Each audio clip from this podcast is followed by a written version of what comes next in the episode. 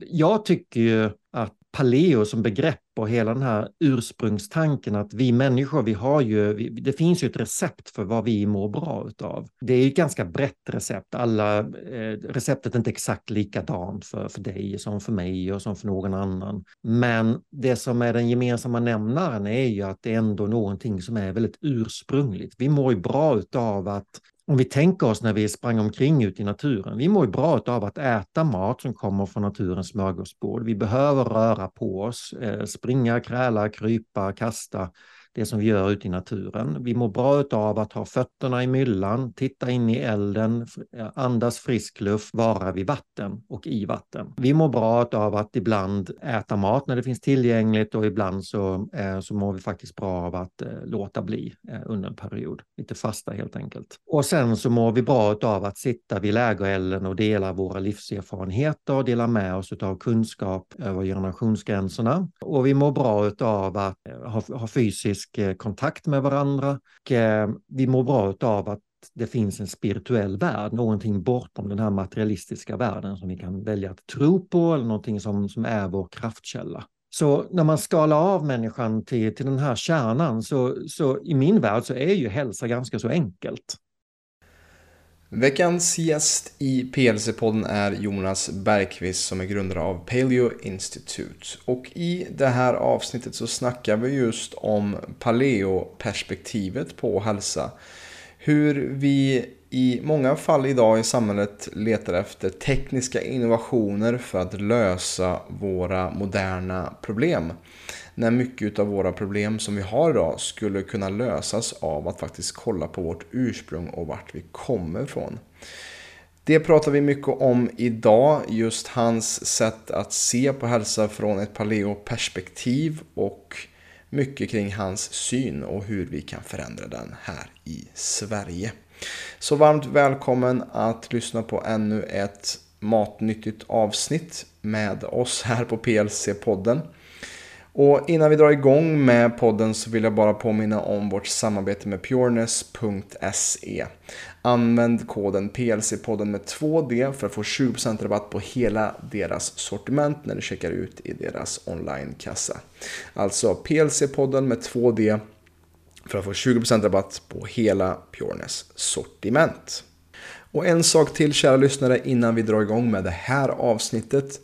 Jag vill bara tipsa dig om att nu på lördag den 19 augusti kommer vi, hela teamet, jag och hela teamet på PLC ha ett gratis live-event i Uddevalla där du kan träffa oss på plats och där fokuset kommer vara inspiration, samhörighet och återhämtning och work-in. Jag kommer bland annat hålla lite yoga och gång till exempel och mina andra kollegor Tove, Jonas och Viktor kommer också vara på plats såklart och hålla grejer också.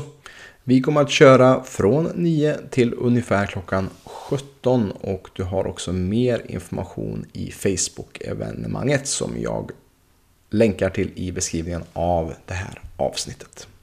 Så vill du vara med oss så kan du anmäla dig genom att skicka ett mail till info.plclub.se för att säkra din plats. Just nu har vi ungefär hälften av platserna har gått än så länge. Så först till kvarn gäller för att vara med oss lördagen den 19 augusti i Uddevalla. Varmt välkommen att eh, träffa oss där och jag ser fram emot att ha dig på plats. Grymt! Nu tycker jag att vi rullar igång här med avsnittet med Jonas Bergqvist. Hej och välkommen till PLC-podden, podden som förändrar Sveriges syn på hälsa med mig, Robin Hallsten. Med mig idag har jag Jonas Bergqvist som har många strängar på sin lyra, som man brukar säga många gäster. Han är grundare av Paleo Institute som han grundade 2008. Han är författare, föreläsare, eh, elittränare, bland annat. Det finns så mycket andra saker som jag tror Jonas kan komplettera med sin egen presentation här. Varmt välkommen till PLC-podden Jonas. Tack så mycket Robin. Och det är väl lite det jag tänkte att vi ska börja med det här samtalet Jonas eh, är just kring eh, kanske din bakgrund och just det som du gjort i snart 15 år just med Paleo Institut här. Ehm, men innan vi går in på det så tänker jag bara, vem är du med egna ord? Om du skulle få sätta ord på dig själv efter det här introt.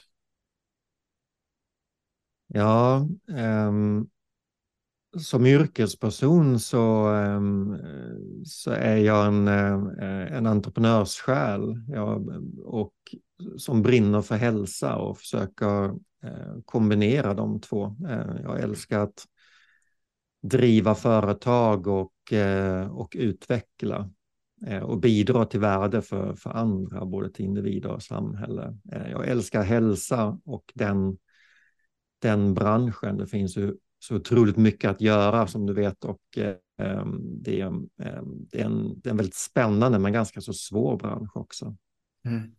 Eh, jag står med ena benet i, i det medicinska, i det hälsomässiga, ämnesmässiga och det andra benet i, i företagandet och tycker det är jätte, jättehärligt.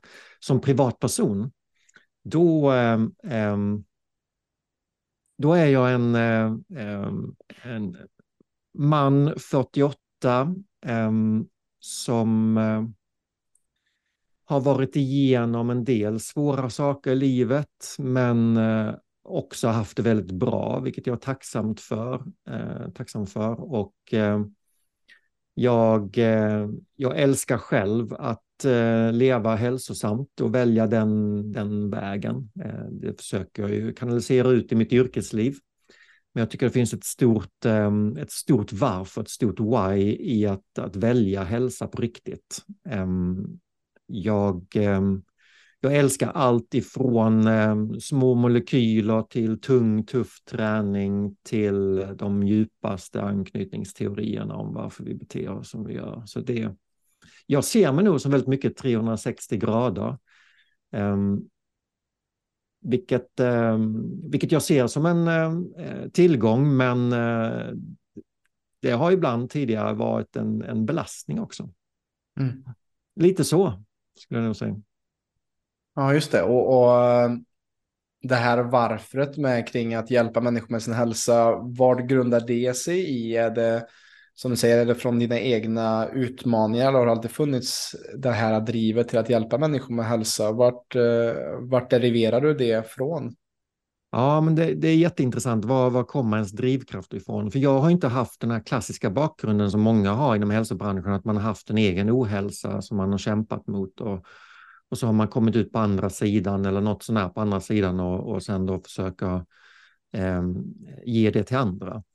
Utan jag har eh, från början, jag var så sjukt intresserad av eh, människans evolution, vårt genetiska ursprung, vilka vi är. Och, um, jag, jag drevs av det. Jag tyckte det var väldigt intellektuellt stimulerande. Så jag läste in mig på det här evolutionära perspektivet uh, jättetidigt.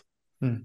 Och plöjde böcker och tyckte bara det var jätteintressant. Och jag experimenterade jättemycket själv och då handlade det väl kanske om att eh, få bäst, bättre träningsresultat, må bättre, mer, bli, bli mer fokuserad, kunna plugga, jobba hårdare. Eh, sen med tiden så har man ju eh, då har man ju mognat upp ett antal olika steg och, och ser ett ännu större värde i det, att man, man blir grundad som, som människa på ett helt, sätt, helt annat sätt. Just det. Så eh, drivkraften har, har nog varit väldigt mycket eh, själva ämnet. Eh, sen har jag, eh, ja, det är vad jag har kommit fram till. Jag kanske hittar fler drivkrafter bakom, eh, bakom mitt företagande så småningom, men det är vad jag, så, så beskriver jag det idag. Mm. Och jag tycker det är intressant det här som du säger, alltså du har ju grundat Palo Institute 2008 och att du har haft en, en enorm törst efter kunskap kring vart människan kommer ifrån, tänker jag. Mm. Eh, för vart vi ser just nu, vart människan är på väg, så har vi kommit väldigt lång väg från vårt ursprung och jag ser också att vi, eh, som Graham Hancock säger, en, eh, en är han arkeolog eller vad är han? Han, är ju, han har skrivit, han har forskat mycket på urhistorien i alla fall. Och han snackar om att människan är en art med amnesi, alltså eh, människan är en art som har minnesförlust kring mm. vårt ursprung och många blickar framåt till vad vi ska bli teknologiskt sett, men vi glömmer också bort att ta med just stenåldersperspektivet eller det som paleo innebär. Vad, vad Mm. tänker du kring det? Och för de som inte vet vad paleo är också kan vi också kanske, vad menas med begreppet paleo? Ja, men paleo är ju, det, ordet kommer ju från paleolitikum, den äldre stenåldern, när, vi, när människan ge, levde som jägare och samlare, vilket vi gjorde för typ 10 000 år sedan och bakåt. Eh, och det är ju från den tiden och de yttre förutsättningarna i miljön som vi fortfarande har en genetisk anpassning till 99,9 procent. Mm. Eh, och ehm, jag menar inte på att vi ska, det är inget bakåtsträvande på något sätt, utan jag menar på att vi, vi behöver ju ha den här förståelsen och insikten om oss människor, hur vi fungerar för att kunna ta oss an dagens och morgondagens utmaningar och sen naturligtvis göra det, det bästa utav det. Um, vi ska inte springa omkring i höftskynken ute i naturen igen. Men vi, vi behöver nog bli lite mer analoga och inte bara kasta oss in i den här digitala världen helt eh, hänsynslöst och, och anamma eh, allt coolt tekniskt som kommer, utan eh, för där går vi vilsna. Vi behöver bli lite, lite mer analoga och jag tror vägen framåt är att hitta balansen mellan det analoga och digitala. Mm. Eh, där vi fortfarande kan bibehålla en hälsa i 360 grader, både vår fysik och vår, vår hjärna och vårt hjärta. Eh, så det är ju, det är ju grunden i, i paleo. Precis som du säger, man, man tittar ju ut och ser samhället vara på väg åt helt fel håll. Vi har en folkhälsa som, som går rakt ut för eh, en explosionsartad utveckling av många livsstilsrelaterade sjukdomar. Och vi klarar inte av att hävda den. Eh, vi, vi blir ju bättre på att rädda liv, vi får bättre medicinteknik och eh, men vi blir ju inte bättre på att eh, eh få människor till att undvika de här sjukdomarna från första början. Eh, så att behovet är ju enormt och eh, det, det, finns så mycket ohälsa, det finns så många människor som mår så dåligt på olika sätt. Eh, där vi tror oss ha receptet mot väldigt mycket, men det är ju som att det är som att jobba mot en stor ångvält som bara plöjer fram med, med de krafter som vi har i samhället. Mm. Um, men jag är optimist. Jag tror att vi kan åstadkomma stora förändringar. Vi kan ju definitivt möta enskilda individer och få dem att ändra livsstil och, och må sitt bästa jag. Och, uh, det har vi ju sett. Det, um, men jag tror också vi kan få till samhällsförändringar. Men jag tror också att det behöver bli lite sämre först innan det blir bättre. Det är så, vi, det är så människan reagerar. Och så är det säkert liksom att, att vi är kanske början på någonting, alltså att man, vi är ett mörker när det kommer till hälsa i, i världen just nu. För eh, som vi gick in på innan vi spelade in här, alltså när man kollar sig runt omkring på en badplats idag eller när man går på stan så är just genomsnittliga Svensson är inte frisk. För det kan man se i form av deras vikt eller deras hållning eller färg på ansiktet eller vad det kan vara. Att, att det är någonting som har försakats i den här teknologiska framskridningen som har skett det senaste och vi har normaliserat. Jag tänker bara till exempel så jag är ju mitt emellan generationen som växte upp precis när internet kom. Men jag ser de som växer upp bara 10-5-10 år efter mig tar ju för givet att internet finns, att mm. smartphones finns, att iPad finns. Och det är någonting som är så sjukt onaturligt just hur mycket vi idag lever framför skärmar och till exempel att jag har glasögon, jag har myopi, alltså jag har ett av de vanligaste eh, handikappen i hela världen som i ursprungsbefolkningen är bara 3% medan i västvärlden är ungefär 25-30 Mm. Så att bara, bara genom att vi har sista hundra åren slutat kolla ut över horisonten och varit utomhus så har det skapat nya evolutionära sätt som vår kropp försöker att mm. förändra oss efteråt. Och samma som att vi inte är gjorda för jag läste liksom på din hemsida, eh, jag tror det var en artikel till Chris Kresser som, som ju snackade om the three horsemen of the apocalypse som är socker, mjöl och fröoljorna som har haft ett stort inflytande på den hälsan som vi nu ser resultatet av när mm. vi haft två, tre generationer som har växt upp mer på mjölmat, socker och även vegetabiliska fröoljor till exempel som är hårt processade. Mm. Att eh, det är någonting som sker när vi kommer bort från, till exempel också, många tänker inte på tänderna, alltså som jag också har tagit ut fyra tänder när jag var liten för att få plats med mina tänder, mm. för att vi inte har tuggar vår mat som vi borde. Om vi kollar på Weston Price bok Nutrition and Degeneration så ser man där urinvånare som inte ens har någon sorts tandläkare eller, eller eh, men som har perfekta tänder och stora kraftiga käkar för att de tuggade mer sin mat. Och allting som vi tar för givet som är normalt i dagens samhälle är ju inte så normalt om vi kollar på det långsiktiga perspektivet.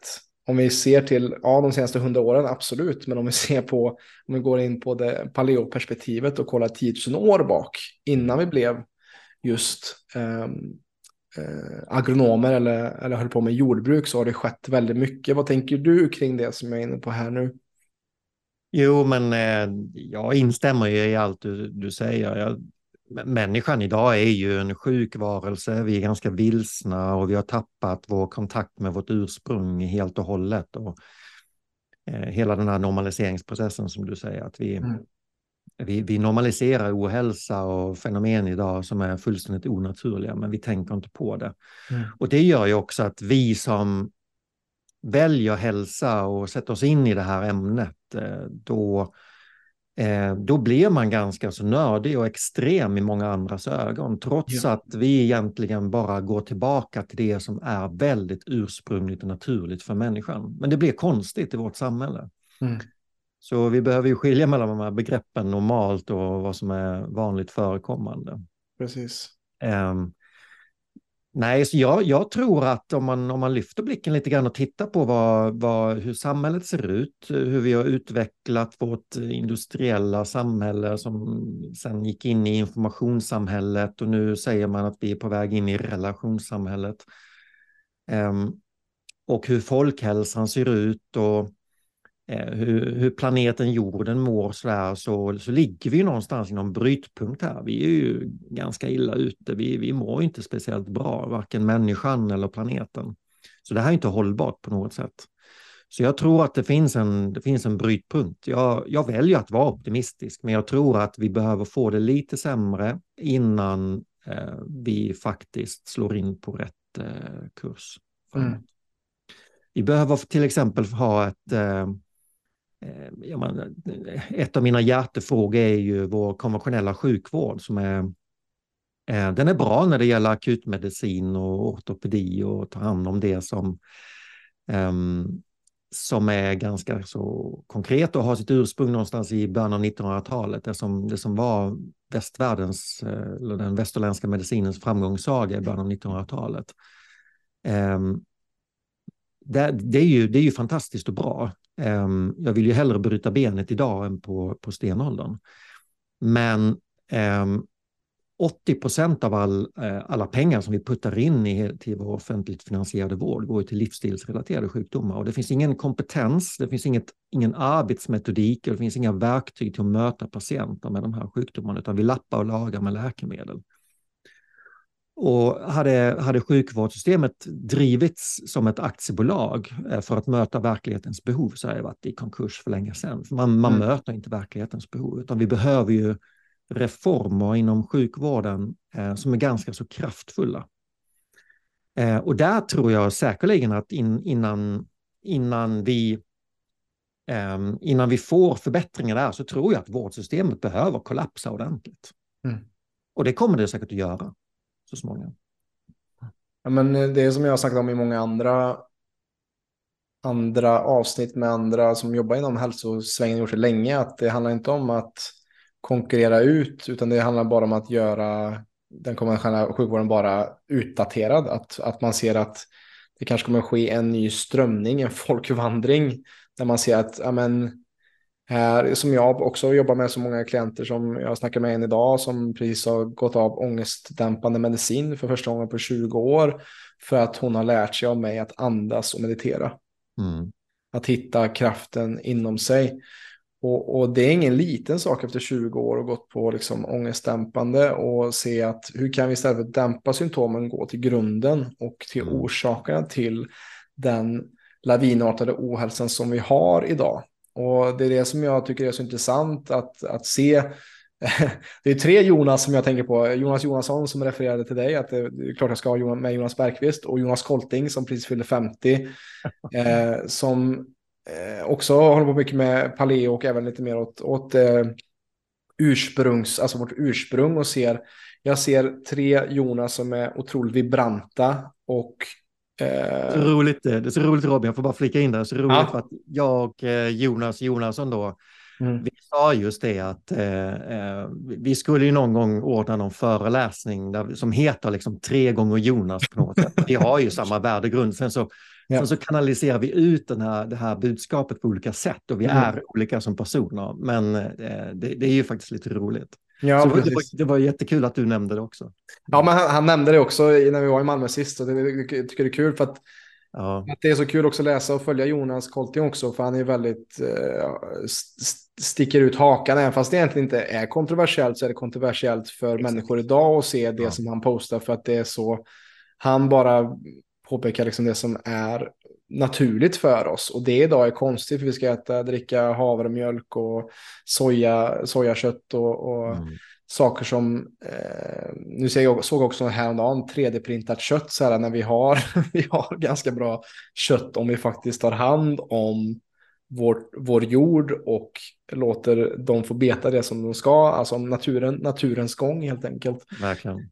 Men där är min fråga, nästa fråga, hur du vet, i den här världen för de som lyssnar så är det svårt att navigera, att mm. kanske vara hälsosam. Hur, du som är 48 och ser mer levande ut än någonsin, hur går det till? Hur lyckas man att navigera det här minfältet av hälsa idag? Hur håller man sig hälsosam i en annars ganska sjuk värld? Ja, det är en jättebra fråga och för det här tror jag kan stressa ganska många och både du och jag upplever säkert också att det är, det är skitjobbigt och och figurera i den här kontexten egentligen. Vi skulle behöva mm. skapa liksom ett eget community någonstans där man slipper jobba i motvind hela tiden och, mm. och behöva gå i försvar hela tiden för saker och ting som är helt självklara. Eh, jag tycker ju att ehm, eh, paleo som begrepp och hela den här ursprungstanken att vi människor, vi har ju, vi, det finns ju ett recept för vad vi mår bra utav. Eh, det är ett ganska brett recept. Alla, eh, receptet är inte exakt likadant för, för dig som för mig och som för någon annan. Men det som är den gemensamma nämnaren är ju att det är ändå någonting som är väldigt ursprungligt. Vi mår ju bra av att om vi tänker oss när vi sprang omkring ute i naturen, vi mår ju bra av att äta mat som kommer från naturens smörgåsbord. Vi behöver röra på oss, eh, springa, kräla, krypa, kasta det som vi gör ute i naturen. Vi mår bra av att ha fötterna i myllan, titta in i elden, andas frisk luft, vara vid vatten och i vatten. Eh, vi mår bra av att ibland ehm, äta mat när det finns tillgängligt och ibland så, eh, så mår vi faktiskt bra av att eh, låta bli under en period lite fasta helt enkelt.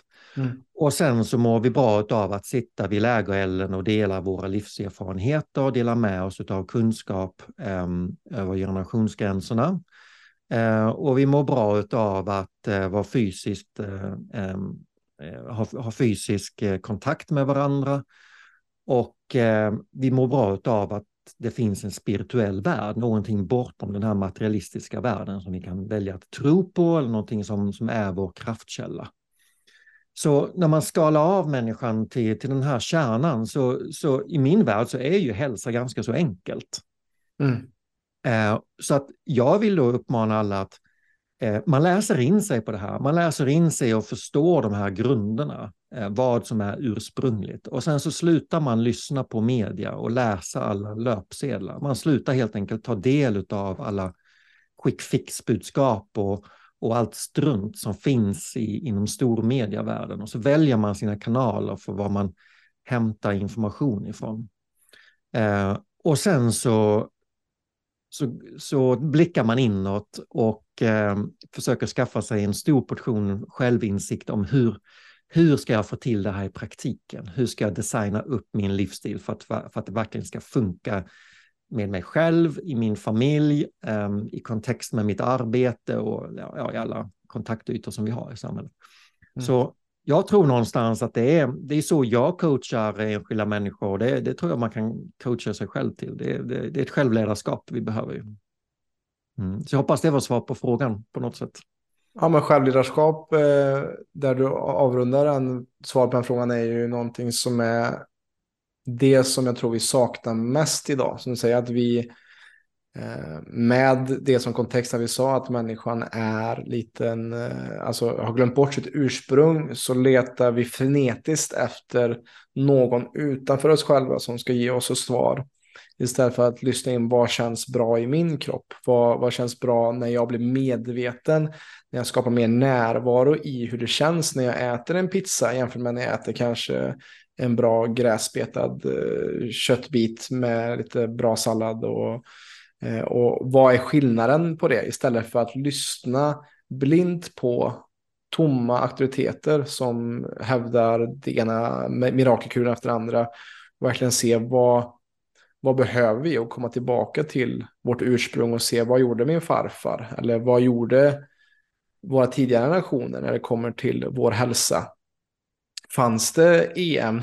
Fanns det eh, fanns det konserveringsmedel och emulgeringsmedel och processade varor i den maten som fanns. Alltså om man, om man kollar på paleo-perspektivet också där så är det ju det, om du behöver marknadsföra någonting så är det förmodligen inte så bra för dig. Alltså en morot vet vi alla vad en morot är och behöver inte sättas upp i någon fin förpackning som Michael Pollan snackar om mycket i sin mm sina böcker och den kortaste och mest precisa boken som har Food Rules är ju fantastisk just att äta riktig mat. Mm. Eh, och tyvärr så är det ju så att idag så finns det inte så mycket riktig mat på våra hyllor utan det är våra utkanter på våra livsmedelsaffärer som det finns det. Eh, mm.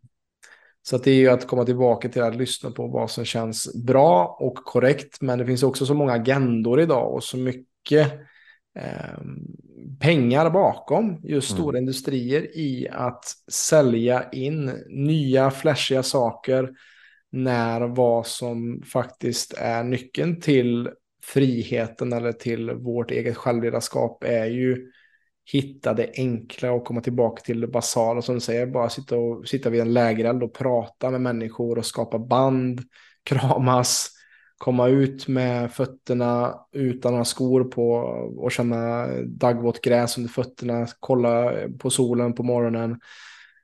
Saker som vi alltid har gjort, men på något sätt har vi boxat in, precis som vården är inboxad, att vi har dissekerat de olika avdelningarna på ett sjukhus. Vi har en kardiolog, vi har öron, näsa, hals istället för att ha ett helhet så har vi också boxat in mänskligheten i ett väldigt maskulint sätt att bara nu är vi i ett fyrkantigt rum och det är såklart att vi inte kan ha annat än fyrkantiga tankar när vi befinner oss i fyrkanter eh, i hela våra liv.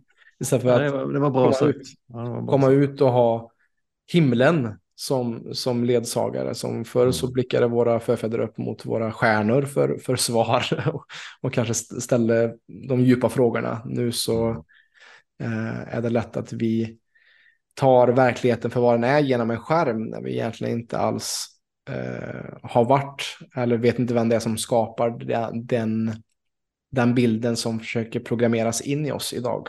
Mm. Ja, men verkligen. Och vad, vad vi äter har ju extremt stor påverkan på vårt mående. Det är någonstans där man börjar, eh, alltså antingen maten eller stressen. Det är de det är de stora behoven, eh, mm. tycker jag, när man möter människor. Mm. Men det som du var, eh, jag har ju varit med i jättemånga poddar, men jag har aldrig inlett en podd med en stunds tystnad som du inledde med. Det var jätteimponerande. Mm. Um, och, så jag, jag, jag, jag, känner in dig, jag förstår ju att du, du, eh, du, är, du är någon som mediterar regelbundet, försöker mm finna närvaro. Jag gör också det 20 minuter varje morgon och det är ett hälsoverktyg som alla människor borde göra. Mm. För att det är då man eh, kalibrerar in sig själv och får kontakt med, med sitt inre. Och det skapar en distans till allt det här bruset runt omkring en för resten av dagen. Ja. Eh, och jag tycker det är jag tycker det är så otroligt värdefullt att då är man i kontakt med sig själv och blir en bättre person som, som lyckas skapa Eh, både en bättre relation till sig själv men också bättre relation till, till, till sin partner och till sina medmänniskor. Mm. Och jag har, haft, eh, jag har haft lite stökigt de sista veckorna. Det har varit mycket som har hänt och jag märker då att så fort jag börjar tappa den här rutinen med meditation eh, så, så försvinner jag iväg. Jag försvinner iväg in i stress, i, i reaktionsmönster, eh, i eh, negativa tankar eh, som lätt tar över. Mm. Så om jag bara får komma utomhus mycket, andas frisk luft, eh, meditera och se till så att jag håller mig balanserad, eh, då, då funkar det mesta. Så det är ett sånt underskattat hälsoverktyg. Ja, men eh, det har också kommit in mycket sista åren för mig också att motgiftet till dagens eh, ohälsosamma leverne är ju tystnad, stillhet, ge tid för integration. Vi lever i väldigt en yang-dominerad värld. Ehm, och där ser jag också, jag, eh, på, på tal om Jonas Kolting så är han faktiskt den enda som jag inte gjort en inledning med. För jag vet inte om han hade, mm, jag, jag visste inte om han hade fixat det. Nej, men det, annars har jag faktiskt startat med varje, med varje poddavsnitt med, med en kort eh, minut så av tystnad. För att att släppa taget om vem vi tror vi är också för att göra plats av någonting större. Lite som du var inne mm. på också, eh, en av de sakerna som vi var inne på, just det här spirituella, just det, någonting som är större än oss själva, är så viktigt att ge plats åt. Och jag är just precis som du nämner också, haft en tid, en, två månader, jag känner mig väldigt vilsen och många tror att bara för att jag mediterar så är jag en lugn människa. Nej, det är på att jag inte kanske har så mycket lugn och balans jämt som jag behöver meditationen. Och just nu när jag spelar in detta eh, så är jag, känner mig väldigt vilsen i vart jag är och mitt syfte och, och mål. Jag tappar bort mig själv lite grann och i, i allt görande och skapande och, och vilja bli någonting.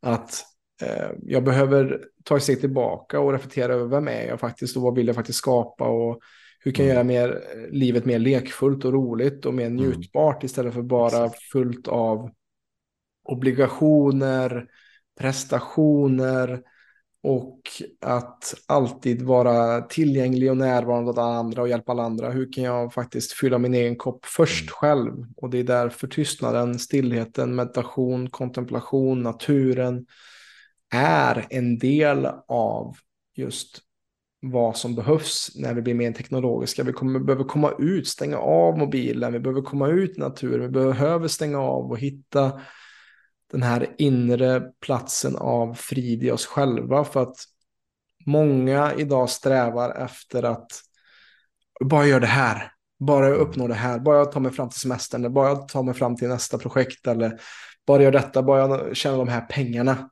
mm. då kommer jag känna friden. Men oftast märker man att när man har bestigit toppar i sitt liv och det är lite där jag har varit sista tiden, att jag har uppnått mycket saker som jag har velat göra.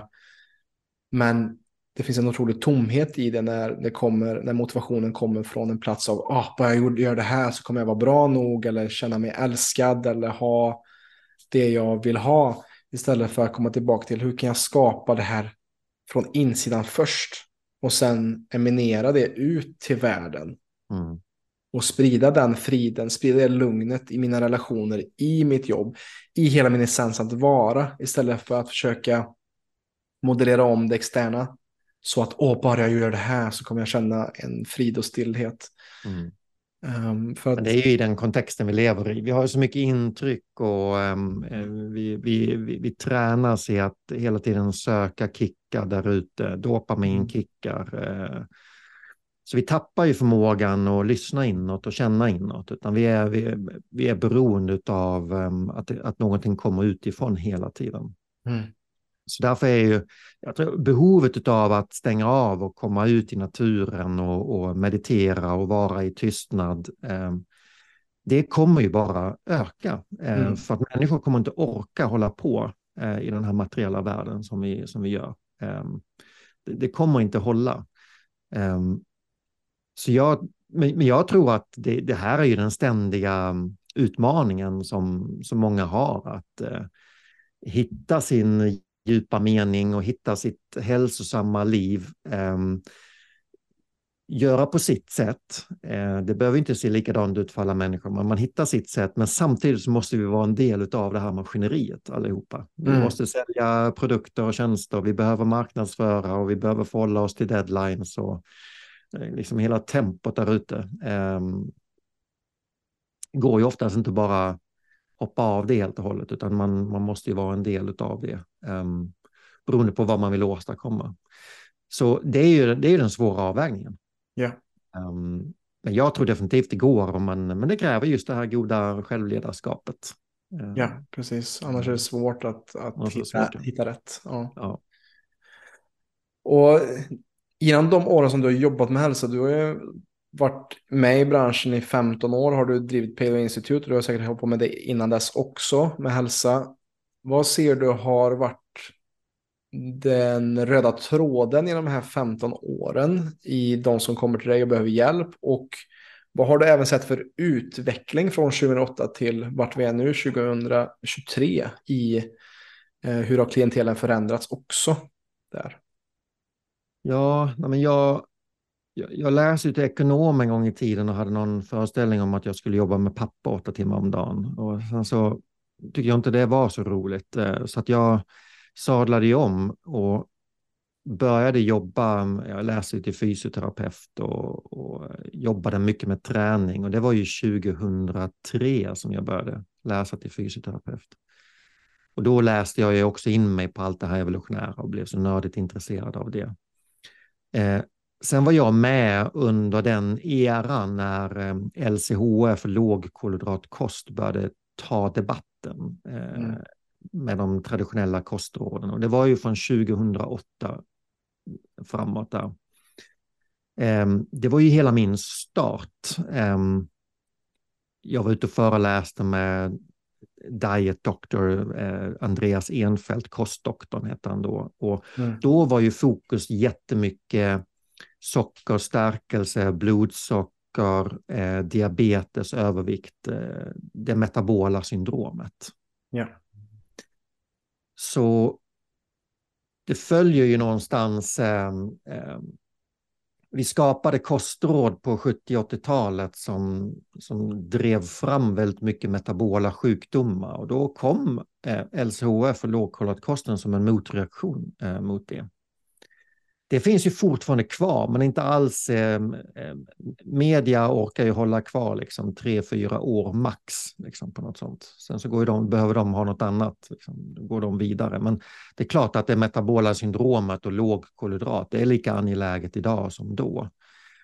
Men det som har tillkommit sedan dess är ju eh, också resultatet av vår väldigt artfrämmande livsstil som som ger många, ett ganska brett sjukdomsperspektiv. Eh, människor har eh, trötthet, eh, man har värk, man har kroppen full av inflammationer, det är kognitiva nedsättningar, det är infertilitet, det är mycket mag-tarm-issues. Så det är ju det är ett spektra av ohälsa på, på många olika sätt. Och många gånger diffus sån ohälsa som många gånger normaliseras. Och den typen av ohälsa passar inte alltid in i mallen mm. eh, hos den konventionella sjukvården. Man vet liksom inte hur ska jag kategorisera det här. Det finns inte i ICD-10, det här diagnosbiblioteket av olika medicinska diagnoser, utan det är diffust, det, är liksom, det rör sig över gränser, det är lite så allmänt. Eh, vi, vi tar blodprov och fångar inte riktigt upp det i de hälsomarkörerna och så eh, nonchaleras det. Och så har vi ju ett vårdvandrare som vandrar runt och inte hittar, eh, hittar hjälp. Eh, och där, det behovet möter ju funktionsmedicinen. Så det kom ju 2015, 2016. Jag var ju över i USA på konferenserna eh, och tog mycket av den kunskapen och den insikten då till, till eh, Sverige. Mm. Ehm, så jag lärde ju känna Peter Martin, en, en funktionsmedicinsk läkare och vi startade utbildningar i det här. Eh, så lågkolhydrat blev väldigt mycket funktionsmedicin. Eh, och nu, och det finns, det finns också kvar. Och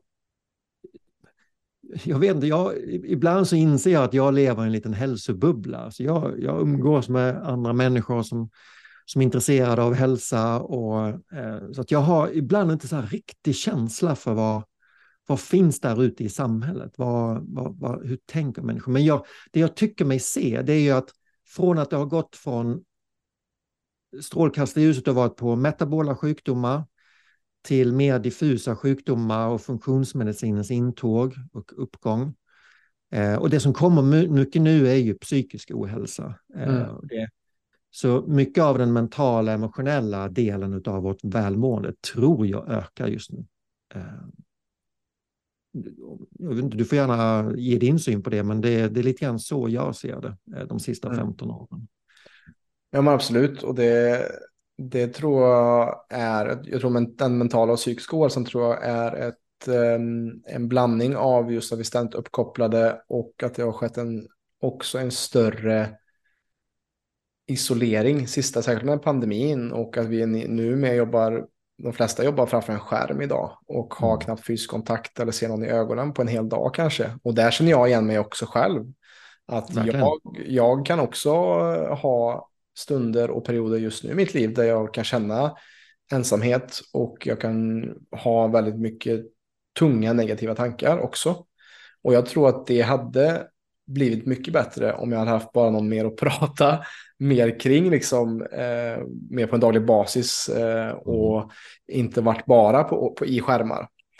Och eh, det är väl det som jag ser också med det du snackar om, just att det kommer mer och mer diffusa symptom och eh, diffusa sjukdomar. Och som jag ser det så jag är intresserad av att höra ditt perspektiv här också. Att mycket av det som, alltså vi blir mer och mer atomistiska i olika sjukdomar och symptom och syndrom. Men, och att det blir mer och mer avancerat känns det som. Men att nyckeln till att bli frisk från det är ganska enkelt.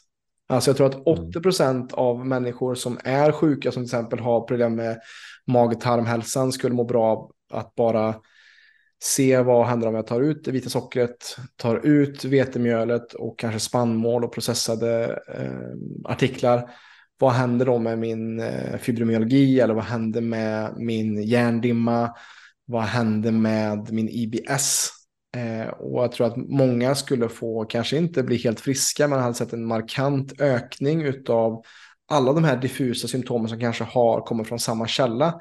Kanske vi har läckande tarm eller vi har SIBO. Eh, alltså vi har en överväxt av eh, bakterier i vår tunntarm till exempel. Alltså mycket av de sakerna som vi ser idag som verkar så svåra att lösa eh, enligt den konventionella modellen finns det enklare om vi tror lösningar om man kollar mer på det holistiska perspektivet. Vad tänker du kring det? Ja, verkligen. Jo, verkligen. Alltså receptet är inte så svårt. Eh, som jag, jag, jag, tror att jag, baksidetexten på min, på min bok, den är ju nu sju år gammal, men den, den just den, den sista meningen där, eh, hälsa är ganska enkelt, men först när du förstår dig själv som människa. Eh, jag tycker den, den, är ganska bra för att eh, receptet är ganska enkelt.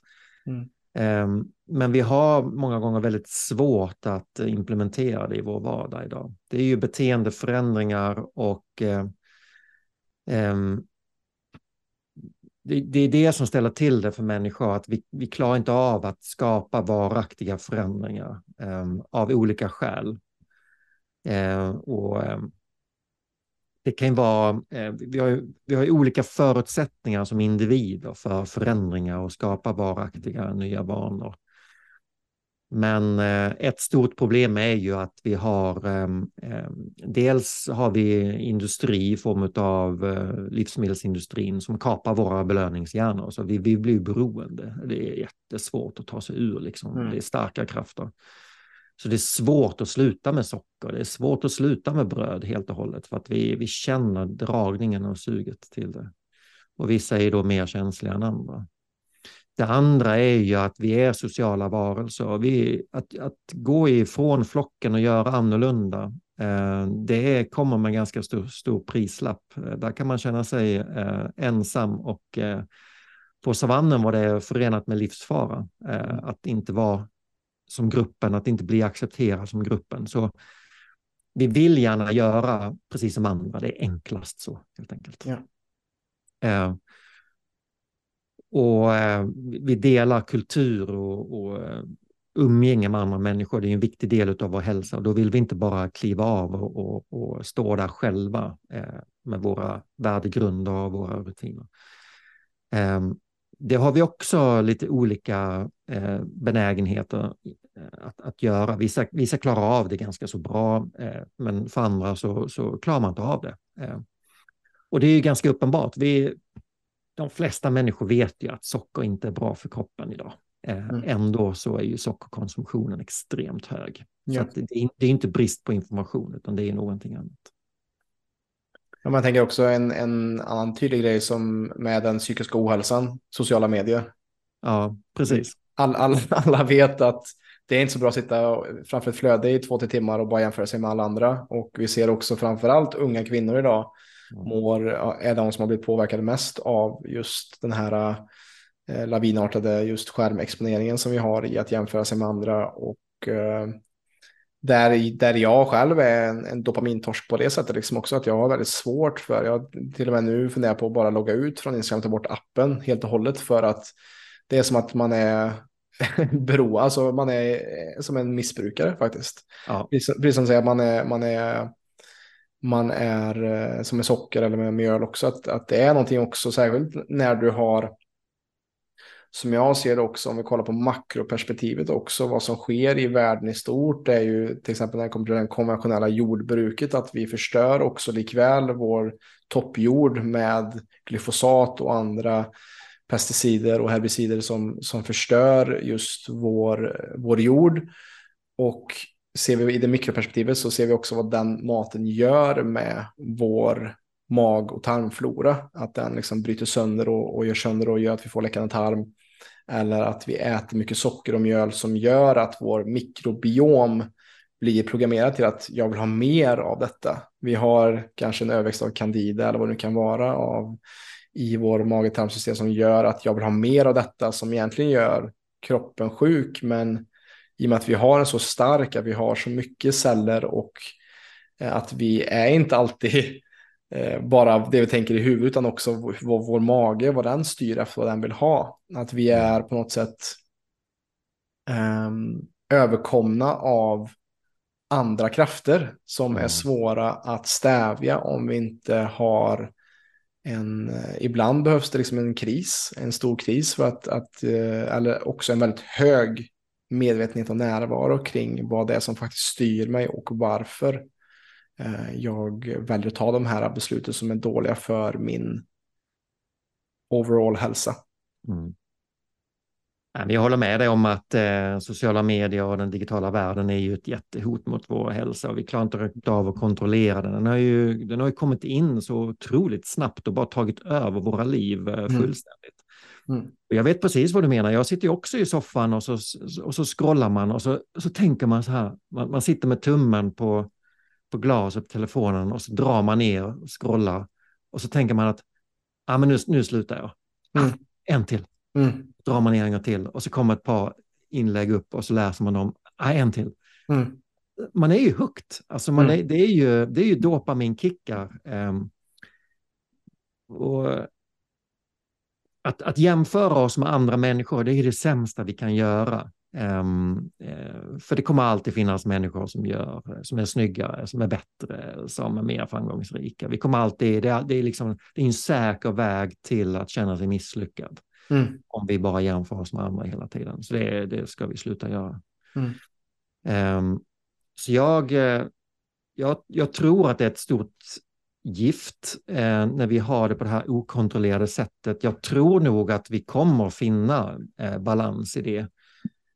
Eh, jag tror att det kommer ganska automatiskt att födas en reaktion mot att vilja vara mer analog. Ehm, och att träffa människor eh, in real life istället för över skärm. Jag tror vi kommer hitta den, eh, den balansen, kommer att driva oss av sig själv. För vi kommer inte må bra av att bara figurera i den här digitala världen.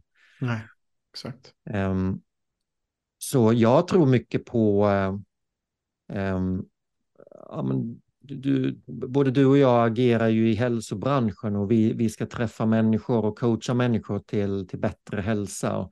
Så den, vi, vi håller ju hela tiden på att fråga oss hur mycket ska vi lägga online, hur mycket ska vi träffas, vad, vad ger det fysiska mötet och vilk, för vilka syften behöver vi ses och träffas och få den energin som uppstår människor emellan. Ja. Som vi inte kommer att få via en skärm och vilka delar eh, kommer vi kunna föra över bra på ett digitalt sätt. Mm. Eh, så det tror jag vi är på väg in i, att hitta en ganska bra avvägning. Där. Mm. Ja, det hoppas jag också. Och om man kollar på paleo-perspektivet där, men när det kommer till skärmar och att jämföra med andra så någonting som kommer upp mig är ju Dunbars siffra, alltså att eh, vi, vi är gjorda för det finns ju en, en hypotes liksom att vi är gjorda för 150, alltså att vi är gjorda för stammar av 150 personer. Och sen så har du då tillgänglighet till 8, ja kanske inte 8 miljarder människor, men kanske säga att 4 miljarder människor har tillgång till mobil eller till internet. Så ja, precis. Då, det finns alltid någon som gifter sig, det finns någon som får barn, alltid någon som startar något företag eller har något eh, framgångsrikt event eller vad det nu kan vara. Och det är också, om man går tillbaka till sig själv, så vad är det man postar? Man postar inte när man sitter och scrollar själv eh, och, och skriver oj, här sitter jag och är missnöjd med livet, utan det är när livet är high life som man, som man delar med sig av det. Och det är också mm. något som är otroligt onormalt. Och det är alla de här ackumuleringen av de här onormala sakerna som går mot lite det här paleo-perspektivet. Och, ja, verkligen. Eh, vilka vi är som människor egentligen. Som, så tar man bara fågelperspektivet och bara kollar om vi hade haft en stenåldersmänniska som får se hur, hur en vanlig människa idag gör för att liksom att en, en som många också som håller på med antropologi också ser att de flesta urinvånarna kanske jobbar tre, fyra timmar om dagen och resten av tiden så eh, umgås de, de pratar, de har det gött och medan vi människor, vi jobbar kanske åtta till tolv timmar per dag och sen ska vi laga mat och sen ska vi ta hand om barnen och sen så så att det är helt, eh, de hade ju så här ryckt på, på sina axlar och så här, var, varför gör ni det här när ni kan liksom göra på det här sättet eller alltså. Ja.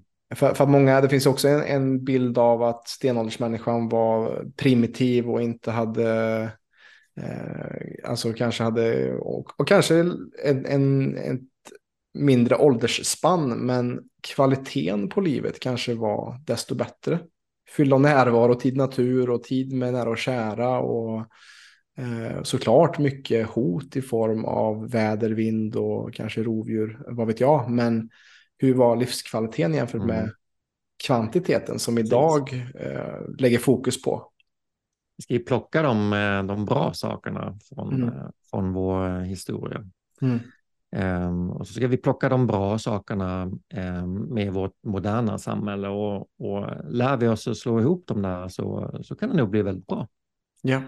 Um, men uh, det jag, jag, jag tycker också det, det som har hänt med mig också de sista åren, det är att jag, eh, jag värdesätter verkligen autentiska relationer. Jag, jag, jag tycker inte om eh, eh när människor bygger fasader och det kallpratar. så jag har lite svårt för mingelfest och så. Jag tycker inte det är, det är så intressant, utan jag tycker om riktiga människomöten där man, där man får möjlighet att komma människor eh, nära eh, ofiltrerat också. Eh, eh, där man möter människor som inte har ett behov av att eh, liksom hävda sig eller bygga någon sorts fasad, utan livet är upp och ner och det är fram och tillbaka. Det är ju det, är ju det som är det härliga med att vara människa. Mm. Eh, jag vill skratta jättemycket, men jag upplever också stark sorg och, och ledsamhet. Och, och sen har vi hela spannet där mittemellan. Och jag vill gärna, jag vill röra mig däremellan. Det är det som jag tycker gör livet berikande. Det är att du, du, känner, du känner till ytterligheterna och det gör dig levande. Ja. Men om du hela tiden ska, ska, ska vara i mitten och, och eh, undvika så, så starka känslouttryck som möjligt och bara vara kontrollerad. Eh, det föder någon sorts tomhet inuti. Och där tror jag vårt land är ett u-land. Vi har ingen spiritualitet. Vi, vi har det här lutherska fortfarande där vi ska, vi ska göra vår plikt och vi ska, vi ska kontrollera oss eh, själva. Eh, jag tror att den, den delen av vår kultur här i Sverige och Skandinavien har just den prislappen att vi, eh, vi, vi, vi, går lite vilsna i oss själva eh, rent spirituellt. Och så blir vi sökande och, vi, och, så, och så kommer olika typer av destruktiva uttryck i det. Ja.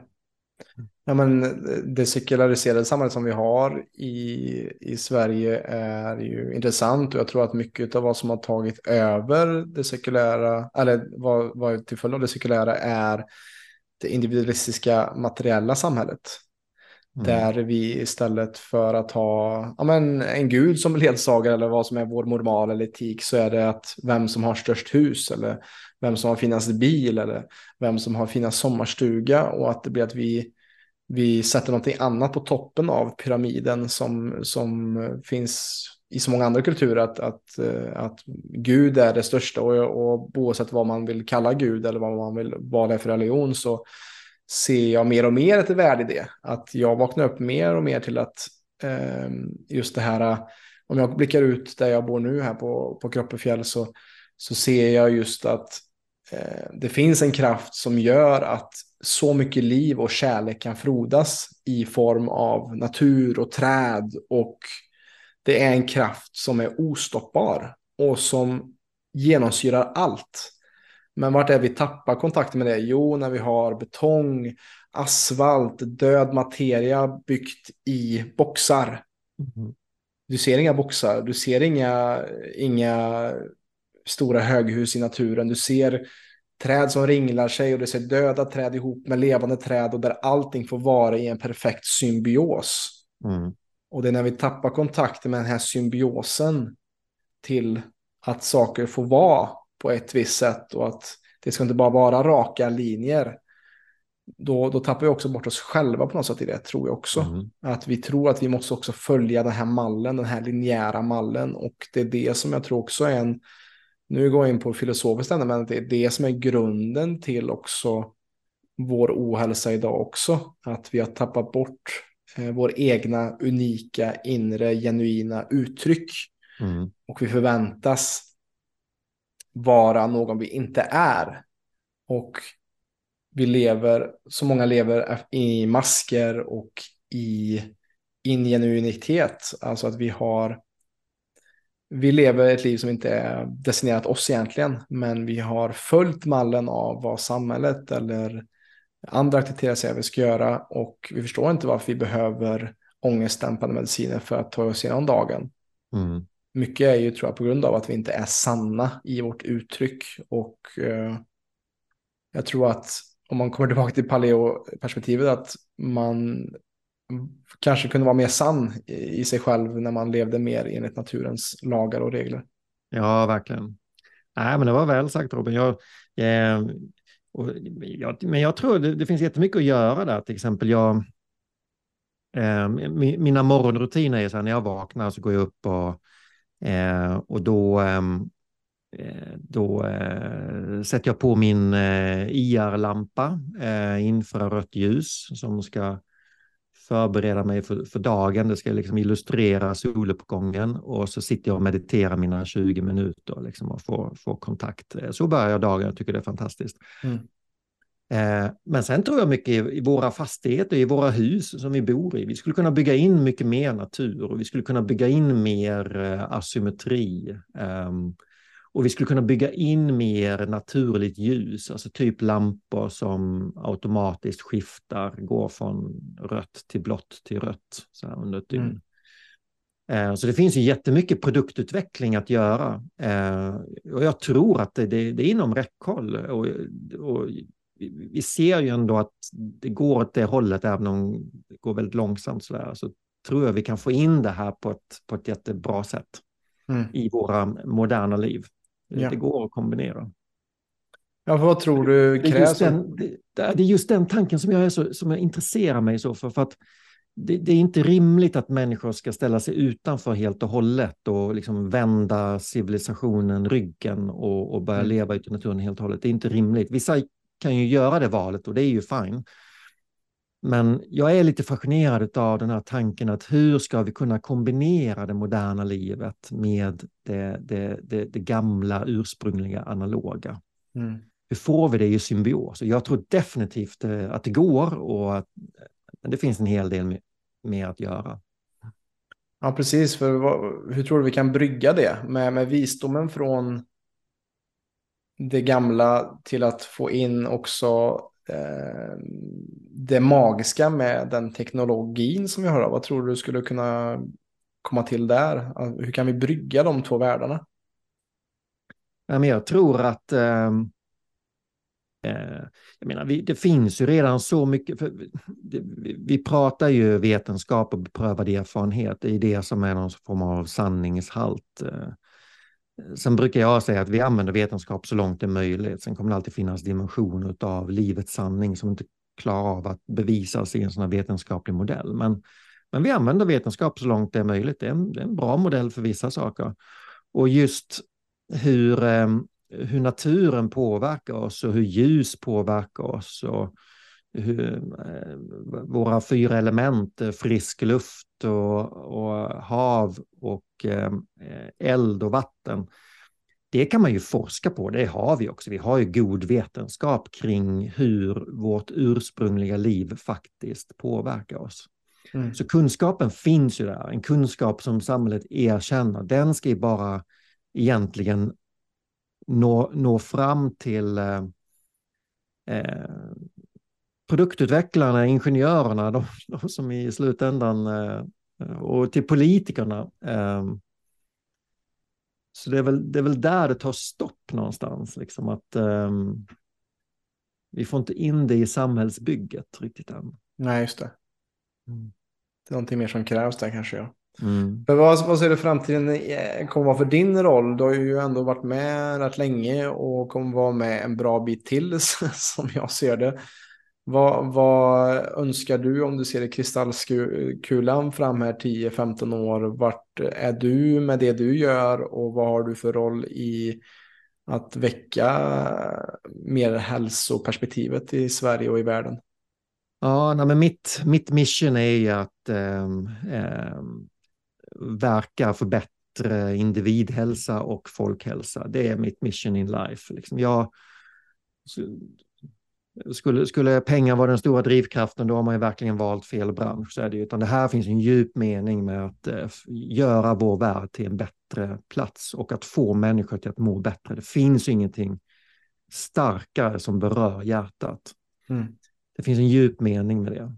Eh, så jag, jag har gett mig den på att Eh, Eh, jag älskar utbildning. Jag älskar att, att se människor utvecklas och, eh, och, och, lära sig saker och ting. Så det är det som eh, jag är riktigt bra på det. Så att mitt, mitt mål är att fortsätta driva professionella hälsoutbildningar, både i Sverige och utomlands så småningom. Jag vill gå internationellt. Eh, jag vill börja översätta saker och ting till engelska.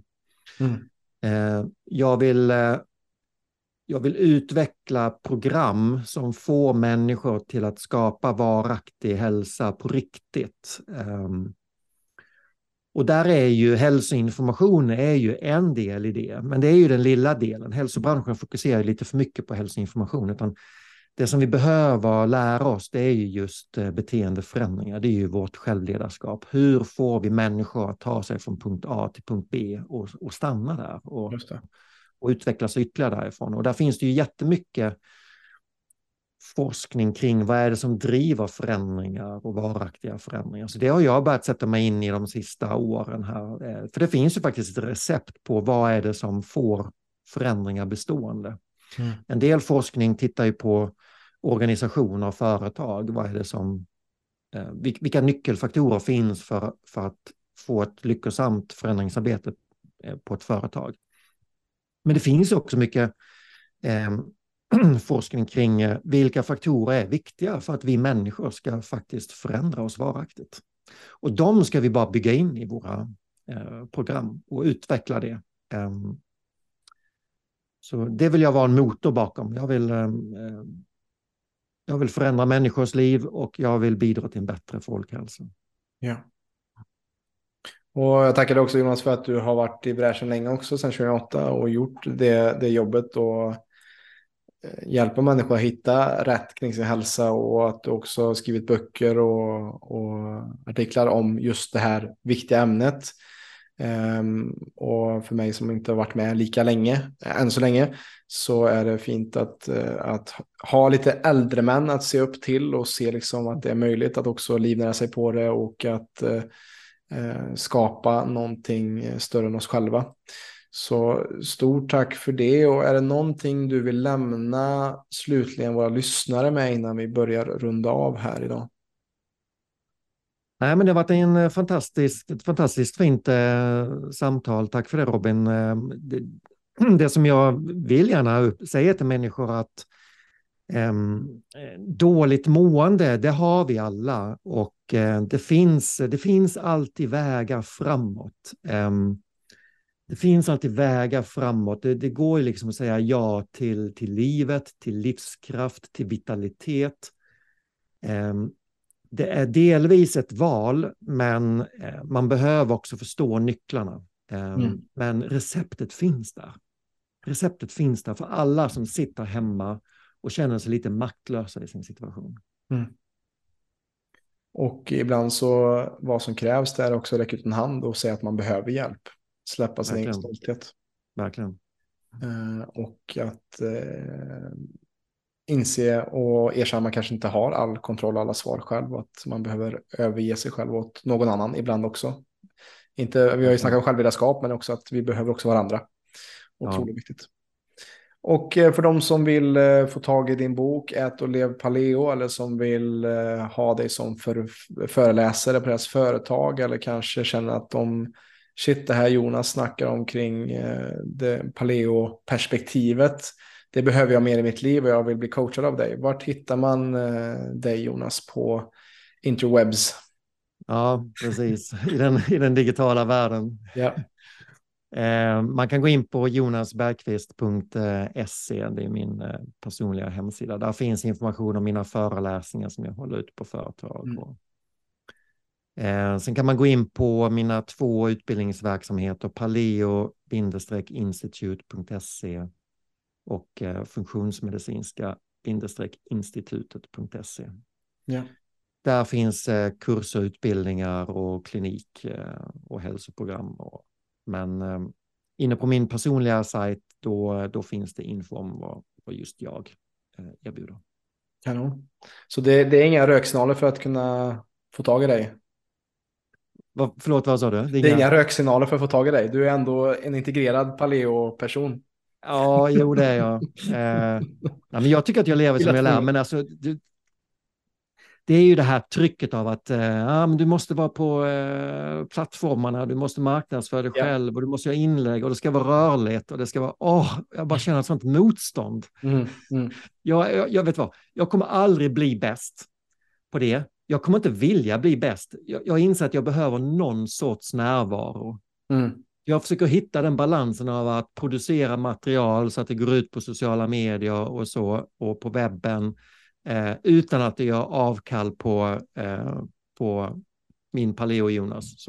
Exakt. Komma kom undan med, med hälsan i behåll. Ja. Men, men det är det som jag ser också med många av dem som jag intervjuar som har hållit på i många år. Som jag eh, också med, med Jonas och Peter Martin och Joakim Dettner kommer också vara gäster här eh, alldeles strax att de behöver ingen stor sociala media presence för att deras arbete i sig talar för dem.